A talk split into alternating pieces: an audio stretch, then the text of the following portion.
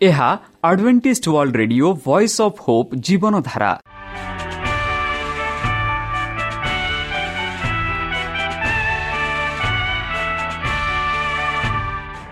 Odia radio କାର୍ଯ୍ୟକ୍ରମ ଯାହା ଆମର ଆନ୍ତର୍ଜାତୀୟ ଆଘାତ କେନ୍ଦ୍ରରୁ ପ୍ରସାରଣ କରାଯାଉଛି ପ୍ରତିଦିନ ରାତି ନଅଟା ତିରିଶ ମିନିଟ୍ରେ। ମୁଁ ସୁବ୍ରତ କୁମାର ପତି ପ୍ରେମର ସହ ଆପଣମାନଙ୍କୁ ଏହି କାର୍ଯ୍ୟକ୍ରମକୁ ସ୍ୱାଗତ କରୁଅଛି। ଚାଲନ୍ତୁ ଆଜିର ତିରିଶ ମିନିଟ୍ର କାର୍ଯ୍ୟକ୍ରମ ବିଷୟରେ ଜାଣିନେବା। ପ୍ରଥମେ ରଖିଛୁ ଆଧ୍ୟାତ୍ମିକ ଭକ୍ତିମୟ ଗୀତ। ଭକ୍ତଙ୍କଠାରୁ ଜୀବନଦାୟକ ଈଶ୍ୱରଙ୍କ ବାକ୍ୟ। ପ୍ରିୟ ଶ୍ରୋତା ତାହେଲେ ଚାଲନ୍ତୁ ଶୁଣିବା ଏକ ଆଧ୍ୟାତ୍ମିକ ଭକ୍ତିମୟ ଗୀତ।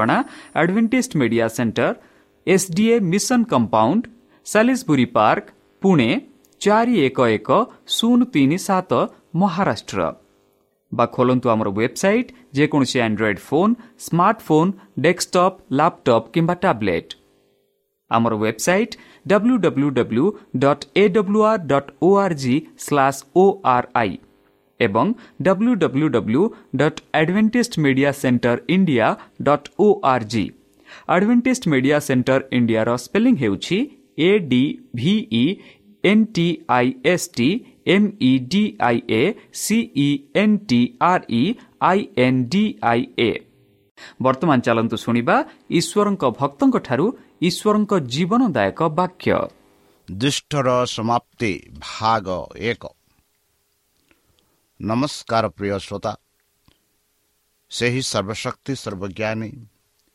ପ୍ରେମର ସାଗର ଦୟାମୟ ଅନ୍ତର୍ଜମୀ ଅନୁଗ୍ରହ ପରମ ପିତାଙ୍କ ମଧୁର ନାମରେ ମୁଁ ପାଷ୍ଟ ପୂର୍ଣ୍ଣଚନ୍ଦ୍ର ଆଉ ଥରେ ଆପଣମାନଙ୍କୁ ଏହି କାର୍ଯ୍ୟକ୍ରମରେ ସ୍ୱାଗତ କରୁଅଛି ସେହି ସର୍ବଶକ୍ତି ପରମେଶ୍ୱର ଆପଣମାନଙ୍କୁ ଆଶୀର୍ବାଦ କରନ୍ତୁ ଆପଣଙ୍କର ସମସ୍ତ ମନୋକାମନା ସେ ପୂର୍ଣ୍ଣ କରନ୍ତୁ ଆପଣଙ୍କୁ ସମସ୍ତ ପ୍ରକାର ଦୁଃଖ କଷ୍ଟ ବାଧା କ୍ଲେଶ ଓ ରୋଗରୁ ଦୂରେଇ ରଖନ୍ତୁ। ଶତ୍ରୁ ସୟତାନ ହସ୍ତରୁ ସେ ଆପଣଙ୍କୁ ସୁରକ୍ଷାରେ ରଖନ୍ତୁ। ତାହାଙ୍କ ପ୍ରେମ ତାହାଙ୍କ ସ୍ନେହ ତାହାଙ୍କ କୃପା ତାହାଙ୍କ ଅନୁଗ୍ରହ ସଦାସର୍ବଦା ଆପଣଙ୍କଠାରେ ସହବର୍ତ୍ତୀ ରହୁ। ପ୍ରିୟସତା ଚାଲନ୍ତୁ। ଆଜି ଆମ୍ଭେମାନେ କିଛି ସମୟ ପବିତ୍ର ଶାସ୍ତ୍ର ବାଇବଲଠୁ ତାହାଙ୍କ ଜୀବନଦାୟକ ବାକ୍ୟ ଧ୍ୟାନ କରିବା। ବନ୍ଧୁ କେତେଦିନ ଧରି ଆମେ ପାପୀମାନଙ୍କ ବିଷୟରେ ଆଲୋଚନା କରୁଅଛୁ? ପାପୀମାନେ କିପରି ବିନଷ୍ଟ ହେବେ? ପାପୀମାନେ କିପରି ସ୍ୱର୍ଗରାଜ୍ୟ ହରାଇବେ? ପାପୀମାନେ କିପରି ବିମୁଖ ହେବେ ପରମେଶ୍ୱରଙ୍କ ସମ୍ମୁଖରୁ? ଏହିସବୁ ଆମେ ଗତକାଲି ଆଲୋଚନା କରିଥିଲୁ। ତାହେଲେ ଚାଲନ୍ତୁ ଆଜି ଆମେ ଦେଖିବା ପାପୀମାନଙ୍କର ସମାପ୍ତି କିପରି ହେବା। ଏହା ଆମେ ତିନି ଦିନ ଧରି ବିଚାର କରିବା। ଆଜି ଆମେ ଭାଗ ଏକ ପଢ଼ିବା ବା ଦେଖିବା। ବନ୍ଧୁ ଚାଲନ୍ତୁ ରୋମିଓ ଛଅ ତେଇଶରେ ଆମେ କ'ଣ ପାଉଛୁ ତାହା ଆମେ ଦେଖିବା। ସାଧୁ ପାଉଲ ଆମମାନଙ୍କୁ କ'ଣ ବୁଝାଇ କହୁଅଛି ତାହା ବିଷୟରେ ଆମେ କିଛି ସମୟ ଆଲୋଚନା କରିବା। ରୋମିଓ ଛଅ ତେଇଶରେ କୁହାଯାଉଅଛି କାରଣ ପାପର ବେତନ ମୃତ୍ୟୁ। କିନ୍ତୁ ଈଶ୍ୱରଙ୍କ ଅନୁଗ୍ରହ ଦାନ ଆମମାନଙ୍କ ପ୍ରଭୁ ଯୀଶୁଖ୍ରୀଷ୍ଟ ଯୀଶୁଙ୍କ ସହଭାଗିତାରେ ଅନ ଜୀବନ ଅଟେ। ବନ୍ଧୁ କେଡ଼େ ସୁନ୍ଦର ଭାବରେ ଆମେ ଏଠି ପାଉଅଛୁ ପାପର ବେତନ ମୃତ୍ୟୁ। ବନ୍ଧୁ ବେତନ ଯଦି ବେତନ ଉପରେ ଆମେ ଆଲୋଚନା କରିବା ଯେକୌଣସି କାର୍ଯ୍ୟ ଆମେ କରୁ ସେ କାର୍ଯ୍ୟର ବେତନ ଆମେ ପାଇଥାଉ। ଯେକୌଣସି କାର୍ଯ୍ୟ ଆମେ କରିଥାଉ ତାହାର ଫଳ ଆମେ ପାଇଥାଉ। ଆଉ ଏଠି ପାପର ବେତନ ହେଉଛି ମୃତ୍ୟୁ ବୋଲି ସାଧୁପାଲ ଲେଖୁଅଛନ୍ତି। ମାନେ ମଣିଷ ଯେବେ ପାପ କରେ ମଣିଷ ଯେବେ ପରମେଶ୍ୱରଙ୍କ ଛାମୁରୁ ଚାଲିଯାଏ ମଣିଷ ଯେବେ ପରମେଶ୍ୱରଙ୍କ ଆଜ୍ଞା ନ ମାନେ ମଣିଷ ଯେବେ ପରମେଶ୍ୱରଙ୍କ ବିରୁଦ୍ଧରେ ଚାଲେ ଆଉ ସାଂସାରିକରେ ତାଙ୍କ ମନକୁ ଦିଏ। ଆଉ ସେହି ପରମେଶ୍ୱର ଯିଏକି ସୃଷ୍ଟି କରିଅଛନ୍ତି ତାକୁ ଭୁଲିଯାଏ। ତେବେ ତାହାର ପରିଣାମ ହେଉଛି ମୃତ୍ୟୁ ବୋଲି ଆମେ ଦେଖାଉଛୁ ବା ବେତନ ହେଉଛି ମୃତ୍ୟୁ। ମାତ୍ର ଯେ କେହି ଈଶ୍ୱରଙ୍କଠାରେ ବିଶ୍ୱାସ କରନ୍ତି ଯେ କେହି ଈଶ୍ୱରଙ୍କ କାର୍ଯ୍ୟ କରନ୍ତି ଯେ କେହି ତାଙ୍କ ବାକ୍ୟ ଅନୁସାରେ ଚାଲନ୍ତି ସେହି ସତ୍ୟ ପଥରେ ସେମାନଙ୍କ ହେଉଛି ଅନଜୀବନ ବା ଅନନ୍ତ ଜୀବନ ବନ୍ଧୁ।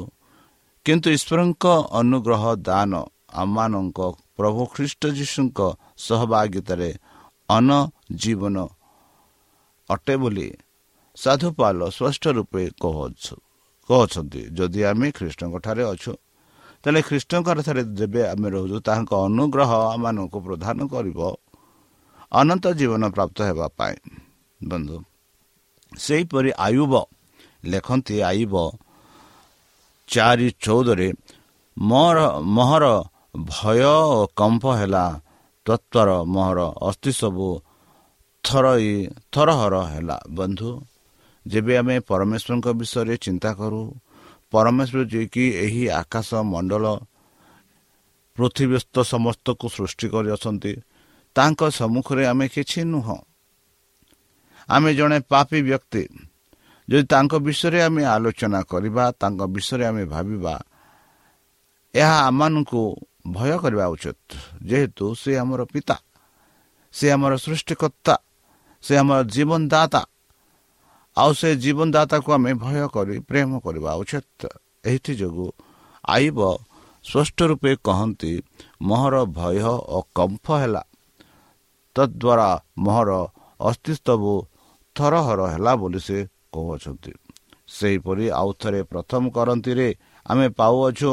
ସାଧୁ ପାଉଲ ଲେଖନ୍ତି ପ୍ରଥମ କରନ୍ତି ପନ୍ଦର ତେବନ ଟୁ ଚଉବନରେ ସେ ଲେଖନ୍ତି ଏହିପରି ବନ୍ଧୁ ପୁଣି ଆମ୍ଭେମାନେ ଈଶ୍ୱରଙ୍କ ସମ୍ବନ୍ଧରେ ଯେ ମିଥ୍ୟା ସାକ୍ଷୀ ବନ୍ଧୁ ବର୍ତ୍ତମାନ ଯେଉଁ ପୃଥିବୀରେ ଆମେ ବାସ କରୁଅଛୁ ଅନେକ ଯୀଶୁଖ୍ରୀଷ୍ଟଙ୍କ ନାମରେ ମିଥ୍ୟା ସାକ୍ଷା ଦେଉଛନ୍ତି ଅନେକ ଯୀଶୁଖ୍ରୀଷ୍ଟଙ୍କ ନାମରେ ବାଇବଲ ବିଷୟରେ ଭୁଲ ଧାରଣା ଦର୍ଶାଉଛନ୍ତି ଅନେକ ଅଛନ୍ତି ଯେଉଁମାନେ କି ବାଇବଲକୁ ସମ୍ପୂର୍ଣ୍ଣ ରୂପେ ବିଶ୍ୱାସ କରନ୍ତି ନାହିଁ ବରଂ ବାଇବଲକୁ ନେଇ ସେହି ବାଇବଲ କଥା କହି ଶୈତାନର କଥା କହିଥାନ୍ତି ଆଉ ସେଥିଯୋଗୁଁ ଏଠି ଆମେ ପାଉଛୁ କରନ୍ତିରେ ସାଧୁ ପାଲ ରଖନ୍ତି ପୁଣି ଆମ୍ଭେମାନେ ଈଶ୍ୱରଙ୍କ ସମ୍ବନ୍ଧରେ ଯେ ମିଥ୍ୟା ସାକ୍ଷୀ ଏହା ପ୍ରକାଶ ପାଏ। କାରଣ ଆମ୍ଭେମାନେ ଈଶ୍ୱରଙ୍କ ବିରୁଦ୍ଧରେ ସାକ୍ଷା ଦେଇଥାନ୍ତୁ ଯେ ସେ କୃଷ୍ଣଙ୍କୁ ଉଠାଇ ଅଛନ୍ତି। ମାତ୍ର ଯଦି ମୃତ୍ୟୁମାନେ ଉଦ୍ୟତ ନ ହୁଅନ୍ତି ତେବେ ସେ ତାହାଙ୍କୁ ଉଠାଇ ନାହାନ୍ତି। ଯେଣୁ ଯଦି ମୃତ୍ୟୁମାନେ ଉଦିତ ନ ହୁଅନ୍ତି ତେବେ ଖ୍ରୀଷ୍ଟ ମଧ୍ୟ ଉଦିତ ହୋଇନାହାନ୍ତି ବନ୍ଧୁ ଆମେ ଖ୍ରୀଷ୍ଟଙ୍କ ବିଷୟରେ କହୁଅଛୁ କି ଯୀଶୁଖ୍ରୀଷ୍ଟ ମୃତ୍ୟୁ ପରେ ପୁନରୁଦ୍ଧିତ ହୋଇଅଛନ୍ତି ଯଦି ଯୀଶୁଖ୍ରୀଷ୍ଟ ପୁନରୁଦ୍ଧିତ ହୋଇନାହାନ୍ତି ତାହେଲେ ଆମ କଥା ସବୁ ମିଥ୍ୟା ପବିତ୍ର ଶାସ୍ତ୍ର ବାଇବଲ ଆମମାନଙ୍କୁ ସ୍ପଷ୍ଟ ରୂପେ କହୁଅଛି କି ଯୀଶୁଖ୍ରୀଷ୍ଟ ଯେବେ ସେ କୃଷରେ ଟଙ୍କା ଗଲେ ଆଉ ତାଙ୍କ ଆଖପାଖରେ ଦୁଇ ଶତ୍ରୁମାନଙ୍କୁ ଟଙ୍କା ଗଲେ ଆଉ ଆମେ ଦେଖୁଅଛୁ ସେହି ଶୁକ୍ରବାର ଦିନରେ ଯୀଶୁଖ୍ରୀଷ୍ଟ ସେ ସନ୍ଧ୍ୟା ବେଳେ ମୃତ୍ୟୁବରଣ କଲେ। ଆଉ ସେ ସନ୍ଧ୍ୟାରେ ହିଁ ସେମାନେ ତାହାଙ୍କ ଶିଷ୍ୟମାନେ ଆସି ତାଙ୍କ ଶବକୁ ନେଇ କବର ଦେଲେ ବୋଲି ଆମେ ଦେଖୁଅଛୁ। ମାତ୍ର ଆମେ ଦେଖୁଛୁ ଯେ କି ରବିବାର ଦିନରେ ପ୍ରତ୍ୟେକରେ ଆମେ ଦେଖୁଛୁ ସେଇ ଯେଉଁ କବର ଯେଉଁଠାରେ ଯୀଶୁଖ୍ରୀଷ୍ଟଙ୍କୁ କବର ଦେଇଥିଲେ ସେହି କବର ଖାଲି ଅଛି। ଆମେ ଦେଖୁଅଛୁ ଯୀଶୁଖ୍ରୀଷ୍ଟ ମୃତ୍ୟୁ ପୂର୍ବରେ କହିଥିଲେ କି ତିନି ଦିନ ପରେ ସେ ପୁନରୁତ ହେବେ। ଆମେ ଦେଖୁଅଛୁ ଯୀଶୁଖ୍ରୀଷ୍ଟ ପୁନରୁତ ହୋଇଅଛନ୍ତି ଯାହାକି ତାଙ୍କ ଶିଷ୍ୟମାନଙ୍କୁ ସେ ସାକ୍ଷାତ କରିଥିଲେ। ଆଉ ଯିବା ବେଳେ ସେ ମଧ୍ୟ ସାକ୍ଷାତ କରି କହିଲେ କି ମୁଁ ଯାଉଅଛି ସ୍ୱର୍ଗ ରାଜ୍ୟ ମୋ ପିତାଙ୍କ ପାଖକୁ ଆଉ ଥରେ ମୁଁ ଫେରି ଆସିବି ଆଉ ଯେଉଁଠାକୁ ମୁଁ ଯିବି ଯେଉଁଠାରେ ମୁଁ ଅଛି ସେଇଠାରେ ତୁମେ ରହିବ ବୋଲି ଯୀଶୁ ଖ୍ରୀଷ୍ଟ ପ୍ରତିଜ୍ଞା କରି ଯାଇଛନ୍ତି। ଆଉ ଏଠି ଆମେ ଦେଖୁଅଛୁ ସାଧୁ ପାଲ କହନ୍ତି କି ଆମେ ଯୀଶୁ ଖ୍ରୀଷ୍ଟଙ୍କ ପୁନରୁତ ସୁସମାଚାର ଦେଉଅଛୁ। କାହିଁକି ଦେଉଅଛୁ? କାରଣ ଯୀଶୁ ଖ୍ରୀଷ୍ଟ ପୁନରୁତ ହୋଇଅଛନ୍ତି। ଯଦି ସେ ହୋଇନାହିଁ ହୋଇନଥାନ୍ତେ ତାହେଲେ ଆମ କଥା ସବୁ ଏକ ମିଥ୍ୟା ହୋଇଥାନ୍ତା। ଆଉ ଯେ କେହି ଲୋକମାନେ ଯୀଶୁଖ୍ରୀଷ୍ଟଙ୍କ ମିଥ୍ୟା ସାକ୍ଷା ଦେଇ ତାଙ୍କ ଭୁଲ ଧାରଣାକୁ ଦେଖାଉଛନ୍ତି ସେମାନେ ମୃତ୍ୟୁର ଯୋଗ୍ୟ ବୋଲି ଆମେ ପାଉଅଛୁ ବନ୍ଧୁ ସେହିପରି ରୋମିଓ ଦୁଇ ସାତରେ ସାଧୁ ପାଲ ସେହି ବିଶ୍ୱାସୀମାନଙ୍କୁ ସାହସ ଦେଇ ଧୈର୍ଯ୍ୟ ଦେଇ କହନ୍ତି କି ତୁମେ ସାହସ ସହ ରୁହ। ସେ କହନ୍ତି ରୋମିଓ ଦୁଇ ସାତରେ ଯେଉଁମାନେ ଧୈର୍ଯ୍ୟ ସହିତ ଉତ୍ତମ କର୍ମ କରି ଗୌରବ ସମ୍ମାନ ଓ ଅମରତା ଅନ୍ୱେଷଣ କରନ୍ତି ସେମାନଙ୍କୁ ଅନଜୀବନ ପ୍ରଦାନ କରିବେ। କେଡ଼େ ସୁନ୍ଦର ଭାବରେ ସାଧୁ ପାଉଲ ଲେଖନ୍ତି କି ଯେଉଁମାନେ ଧୈର୍ଯ୍ୟ ସହିତ ଉତ୍ତମ କର୍ମ କରି ଉତ୍ତମ କର୍ମ ମାନେ ଉତ୍ତମ କାର୍ଯ୍ୟ କରି ଆଉ ଗୌରବ ସମ୍ମାନ ଓ ଅମରତା ଅନ୍ୱେଷଣ କରନ୍ତି। ଗୌରବ ସମ୍ମାନ ଅମରତା ପାରେ ଅନ୍ୱେଷଣ କରନ୍ତି। ସେମାନଙ୍କୁ ଅନଜୀବନ ପ୍ରଦାନ କରିବେ କିଏ? ସେହି ଯୀଶୁଖ୍ରୀଷ୍ଟ ଯିଏକି ତାଙ୍କଠାରେ ବିଶ୍ୱାସ କରୁଛନ୍ତି। ସେହି ଯୀଶୁଖ୍ରୀଷ୍ଟ ଯିଏକି ପୁନରିତ ହୋଇଛନ୍ତି। ସେହି ଯୀଶୁଖ୍ରୀଷ୍ଟ ସେମାନଙ୍କୁ ଅନଜୀବନ ପ୍ରଦାନ କରିବେ। ଯଦି ବଧୁ ଆମେମାନେ ସେହି ଯୀଶୁଖ୍ରୀଷ୍ଟଙ୍କଠାରେ ଯଦି ବିଶ୍ୱାସ କରିବା ତାଙ୍କ ମୃତ୍ୟୁ ବିଷୟରେ ତାଙ୍କ ଜୀବନ ବିଷୟରେ ତାଙ୍କ ବାକ୍ୟ ଉପରେ ଯଦି ଆମେ ଧ୍ୟାନ ଦେଇ ବିଶ୍ୱାସ କରିବା ନିଶ୍ଚିତ ରୂପେ ଆମେମାନେ ମଧ୍ୟ ସେହି ଅନନ୍ତ ଜୀବନ ପ୍ରାପ୍ତ ପାଇପାରିବା। ଏଥିଯୋଗୁଁ ଆମେ ଏହି ରେଡ଼ିଓ ମାଧ୍ୟମ ଦ୍ୱାରା ଆପଣମାନଙ୍କୁ ଯୀଶୁଖ୍ରୀଷ୍ଟଙ୍କ ବିଷୟରେ ପ୍ରଚାର କରୁଅଛୁ। ଯେପରିକି ଆମର ଆଶା ଏହି ଜଗତର ସମସ୍ତେ ଯୀଶୁଖ୍ରୀଷ୍ଟଙ୍କୁ ବିଶ୍ୱାସ କରନ୍ତୁ ଆଉ ଜୀବନ ପ୍ରଦାନ ପାଆନ୍ତୁ। ଯେଉଁ ଜୀବନ କି ଅନ୍ତ ନାହିଁ ତାହା ଆମେ କହୁଛୁ ଅନନ୍ତ ଜୀବନ। ବନ୍ଧୁ ଦ୍ୱିତୀୟ ତିମତି ଏକ ଦୋଷରେ ଆମେ ପାଉଛୁ। ଅତଏବ ମନୋନୀତ ଲୋକମାନେ ମଧ୍ୟ ଯେପରି ଅନଗୌରବ ସହିତ ଖ୍ରୀଷ୍ଟ ସହିତ ଦତ୍ତ ପରିତ୍ରାଣ ପ୍ରାପ୍ତ ହୁଅନ୍ତି ଏଥିପାଇଁ ମୁଁ ସେମାନଙ୍କ ନିମନ୍ତେ ସମସ୍ତ ବିଷୟ ଧୈର୍ଯ୍ୟ ଧରି ସାହାଯ୍ୟ କରୁଅଛି। ବନ୍ଧୁ କେଡ଼େ ସୁନ୍ଦର ଭାବରେ ସାଧୁ ପାଲ ଲେଖନ୍ତି ତିମତିକୁ କି ଅନତ ଅତଏବ ମନୋନୀତ ଲୋକମାନେ କିଏ ମାନେ ମନୋନୀତ? ଯେଉଁ ଲୋକମାନଙ୍କୁ ପରମେଶ୍ୱର ବାଛିଛନ୍ତି ଯେଉଁ ଲୋକମାନେ ସ୍ୱର୍ଗରାଜ ଯିବାର ଯୋଗ୍ୟ ଅଛନ୍ତି ସେମାନଙ୍କୁ ସେ ଲେଖନ୍ତି ମଧ୍ୟ ଯେପରି ଅନଗୌରବ ସହିତ ଖ୍ରୀଷ୍ଟ ଯୀଶୁଙ୍କ ଦତ୍ତ ପରିତ୍ରାଣ ପ୍ରାପ୍ତ ହୁଅନ୍ତି ଏଥିପାଇଁ ମୁଁ ସେମାନଙ୍କ ନିମନ୍ତେ ସମସ୍ତ ବିଷୟ ଧୈର୍ଯ୍ୟ ଧରି ସହ୍ୟ କରୁଅଛି ବୋଲି ସାଧୁ ପାଉଲ ଲେଖୁଅଛନ୍ତି ଆଉ ଥରେ ପ୍ରଥମ ତିମତି ଏକ ସତ୍ରରେ ମଧ୍ୟ ସେ କହନ୍ତି ସାଧୁପାଲ ତିମତିକୁ ଲେଖନ୍ତି ଅକ୍ଷୟ ଅଦୃଶ୍ୟ ଆଦୃତ୍ୟ ଈଶ୍ୱର ଯେ ଅନନ୍ତକାଳୀନ ରାଜା ତାହାଙ୍କ ସମ୍ଭ୍ରମ ଓ ଗୌରବ ଯୁଗେ ଯୁଗେ ହେଉ ଆମେନ୍ ବନ୍ଧୁ। ସେହି ସଦାପ୍ରଭୁ ଯିଏକି ଅକ୍ଷୟ ଯିଏକି ଆଦୃଶ୍ୟ ଯିଏକି ଆଦୃତ୍ୟ ଈଶ୍ୱର ଯିଏକି ଅନନ୍ତକାଳୀନ ରାଜା ଯିଏକି ତାହାଙ୍କ ସମ୍ଭ୍ରମ ଓ ଗୌରବ ଯୁଗେ ଯୁଗେ ହେଉ ବୋଲି ତିମତିକୁ ଏହିପରି ଉତ୍ସାହ କରି କହନ୍ତି କହୁଛନ୍ତି ବନ୍ଧୁ ସେହି ସମାଚାର ସେହି କଥା ଆମମାନଙ୍କୁ ମଧ୍ୟ ଆସୁଅଛି ବନ୍ଧୁ ଆମମାନଙ୍କୁ ମଧ୍ୟ ସେହି ପବିତ୍ର ଶାସ୍ତ୍ର ମାନଙ୍କୁ କହୁଅଛି କି ଆମେ ଅକ୍ଷୟ ଦୃଶ୍ୟ ଆଦିତ୍ୟ ଈଶ୍ୱର ଯେ ଅନନ୍ତକାଳୀନ ରାଜା ତାହାଙ୍କ ସମ୍ଭ୍ରମ ଓ ଗୌରବ ଯୁଗେ ଯୁଗେ ହଉ ବୋଲି ଆମେ ଯେପରି ପ୍ରାର୍ଥନା କରିବା ପୂଜା କରିବା ଆରାଧନା କରିବା ଯେପରିକି ଆମ୍ଭେମାନେ ସେହି ସ୍ୱର୍ଗରାଜ ଯିବାର ଯୋଗ୍ୟ ହୋଇପାରିବା। ପ୍ରଥମ ତୀର୍ଥ ଛଅ ଷୋହଳରେ ଯେ ଏକମାତ୍ର ଅମର ଅଗମ୍ୟ ଜ୍ୟୋତିର୍ନିବାସୀ ଯାହାକୁ କୌଣସି ମୃତ୍ୟୁ କେବେ ଦେଖିନାହିଁ ବା ଦେଖିପାରେ ନାହିଁ ସେ ଉପଯୁକ୍ତ ସମୟରେ ତାହା ଦର୍ଶାଇବେ। ଅନନ୍ତକାଳ ପର୍ଯ୍ୟନ୍ତ ତାହାଙ୍କ ସମ୍ଭ୍ରମ ଓ ପରାକ୍ରମ ପ୍ରକାଶିତ ହେଉ। ଏହିପରି ଆମେ ପାଉଅଛୁ ସାଧୁ ପାଳ ଲେଖନ୍ତି ଯେ ଏକମାତ୍ର ଅମର ଯୀଶୁଖ୍ରୀଷ୍ଟ। ଯିଏକି ଅଗମ୍ୟ ଜ୍ୟୋତିର୍ନିବାସୀ ଯୀଶୁଖ୍ରୀଷ୍ଟ ଯାହାକୁ କୌଣସି ମୃତ୍ୟୁ ଦେଖେ ନାହିଁ ବା ଦେଖିପାରିବେ ନାହିଁ ସେ ଉପଯୁକ୍ତ ସମୟରେ ତାହା ଦର୍ଶାଇବେ ଆଉ ଅନନ୍ତକାଳ ପାଇଁ ତାହାଙ୍କ ସମ୍ଭ୍ରମ ଓ ପରାକ୍ରମ ପ୍ରକାଶିତ ହେବ ସେଥିପାଇଁ ଆମେ ତାହାଙ୍କଠାରେ ଧନ୍ୟବାଦ ଅର୍ପଣ କରି ଗୌରବ ନାମରେ ପ୍ରଶଂସା କରିବା ଉଚିତ ଯେହେତୁ ସେ ଅନନ୍ତ କାଳ ବା ଜ୍ୟୋତିର୍ମୟ ଅନନ୍ତ ଅଗମ୍ୟ ପରମେଶ୍ୱର ବନ୍ଧୁ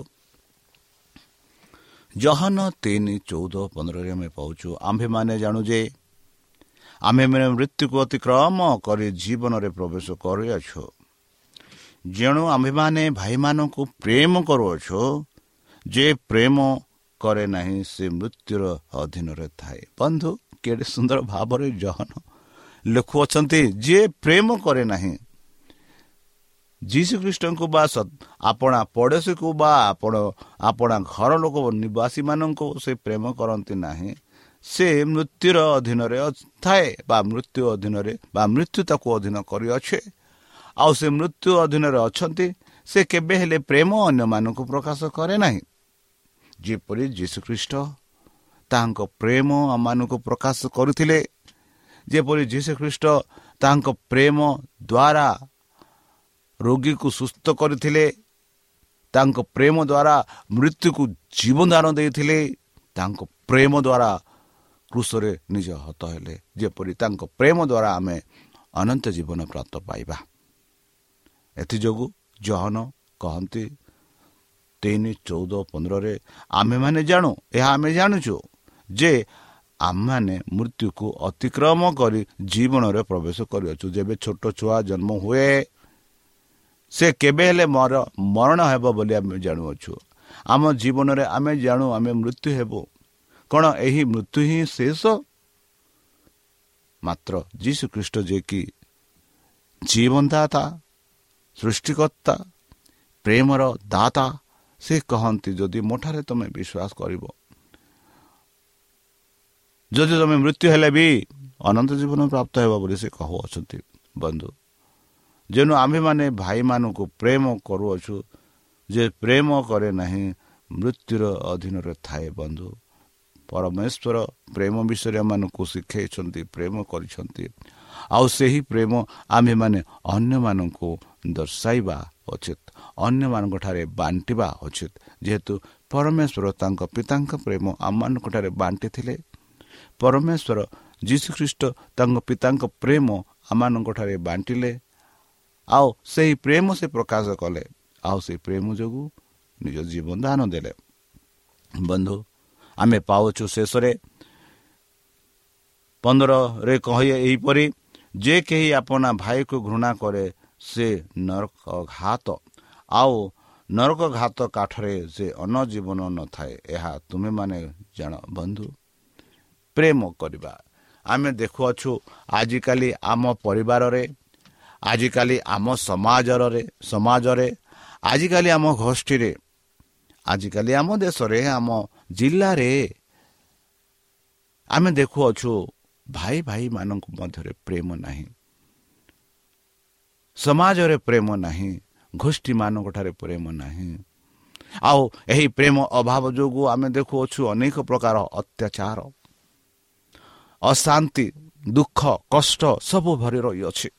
ଏହି ପ୍ରେମ ବିନା ସବୁ କିଛି ଭରି ରହିଅଛି।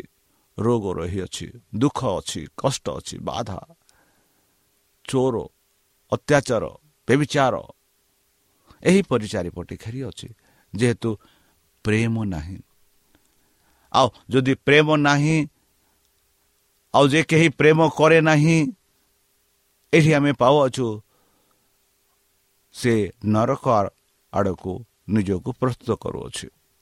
ଯେଉଁଠାରେ ଆଉ ଜୀବନ ନାହିଁ ଯେଉଁଠାରେ ବଞ୍ଚିବାର ଆଶା ନାହିଁ ଯେଉଁଠାରେ ଆଉ ଆଶାର ପ୍ରଶ୍ନ ନାହିଁ ବନ୍ଧୁ ନରକ ଯେଉଁଠାରେ ପାପୀମାନେ ବିନଷ୍ଟ ହୋଇଥାନ୍ତି ଯେଉଁମାନେ ପାପୀମାନେ ସଦାସର୍ବଦା ରହନ୍ତି ବା ପାପୀମାନେ ବିନଷ୍ଟ ହୋଇଯାଆନ୍ତି ଆଉ ସେମାନଙ୍କୁ ଆଉ ଜୀବନ ନାହିଁ। ଏଥିଯୋଗୁଁ ପ୍ରିୟ ବନ୍ଧୁ ଚାଲନ୍ତୁ। ସେହି ଯୀଶୁଖ୍ରୀଷ୍ଟ ଯିଏକି ଆମମାନଙ୍କୁ ଏତେ ପ୍ରେମ କଲେ ସେହି ଯୀଶୁଖ୍ରୀଷ୍ଟ ଯିଏକି ଆମମାନଙ୍କ ପାଇଁ ଏହି ପୃଥିବୀକୁ ଆସିଲେ ସେହି ଯୀଶୁଖ୍ରୀଷ୍ଟ ଯିଏକି ଆମମାନଙ୍କ ପାଇଁ ଏହି ପୃଥିବୀରେ ଥିଲେ ବାସ କଲେ ଆଉ ଅନେକ ଆଚର୍ଯ୍ୟ କାର୍ଯ୍ୟ କରି ପରିଶେଷରେ ଆପଣ ଜୀବନ ସେହି କୃଷର ଦାନ ଦେଲେ। ଆଉ ଯେପରିକି ତାଙ୍କ ମୃତ୍ୟୁ ଦ୍ୱାରା ଆମମାନେ ଅନନ୍ତ ଜୀବନ ପ୍ରାପ୍ତ ପାଇପାରିବା। ବନ୍ଧୁ କ'ଣ ଆପଣମାନେ ସେହି ଅନନ୍ତ ଜୀବନ ପ୍ରାପ୍ତ ହେବା ପାଇଁ ଇଚ୍ଛା କରୁଛନ୍ତି କି? ବା ପାପୀମାନଙ୍କ ସହ ବିନଷ୍ଟ ହେବା ପାଇଁ ଇଚ୍ଛା କରୁଛନ୍ତି ଯେହେତୁ ପାପୀମାନେ ଦିନେ ବା ଦିନେ ବିନଷ୍ଟ ହେବେ। ପାପୀମାନଙ୍କର ଆଶା ନାହିଁ ସ୍ୱର୍ଗ ଯିବାର ସେମାନଙ୍କ ଆଉ ଅନନ୍ତ ଜୀବନ ନାହିଁ। ମାତ୍ର ବନ୍ଧୁ ବର୍ତ୍ତମାନ ହିଁ ସେହି ସମୟ। ଯାହା ସଦାପ୍ରଭୁ ପରମେଶ୍ୱର ମାନଙ୍କୁ ଅର୍ପଣ କରିଛନ୍ତି ଚାଲନ୍ତୁ ସେହି ସମୟକୁ ଆମେ ବ୍ୟବହାର କରି ତାଙ୍କ ନାମେ ବିଶ୍ୱାସ କରି ତାଙ୍କ ବାକ୍ୟ ଅନୁସାରେ ଆମେ ଚାଲିବା ପାଇଁ ଚେଷ୍ଟା କରିବା। ତାହା ପବିତ୍ର ଆତ୍ମା ଦ୍ୱାରା ତାହେଲେ ଚାଲନ୍ତୁ ନିଜକୁ ସମର୍ପଣ କରି ତାହାଙ୍କ ମଧୁର ନାମରେ ଆମେ ପ୍ରାର୍ଥନା ଅର୍ପଣ କରିବା।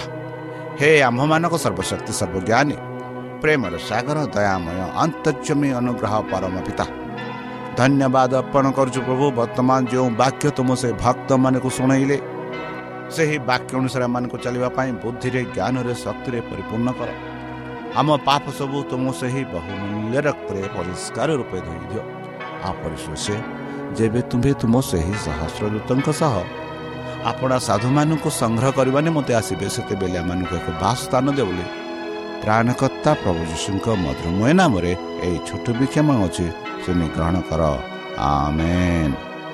ପ୍ରିୟ ଶ୍ରୋତା ଆମେ ଆଶା କରୁଛୁ ଯେ ଆମର କାର୍ଯ୍ୟକ୍ରମ ଆପଣମାନଙ୍କୁ ପସନ୍ଦ ଲାଗୁଥିବ।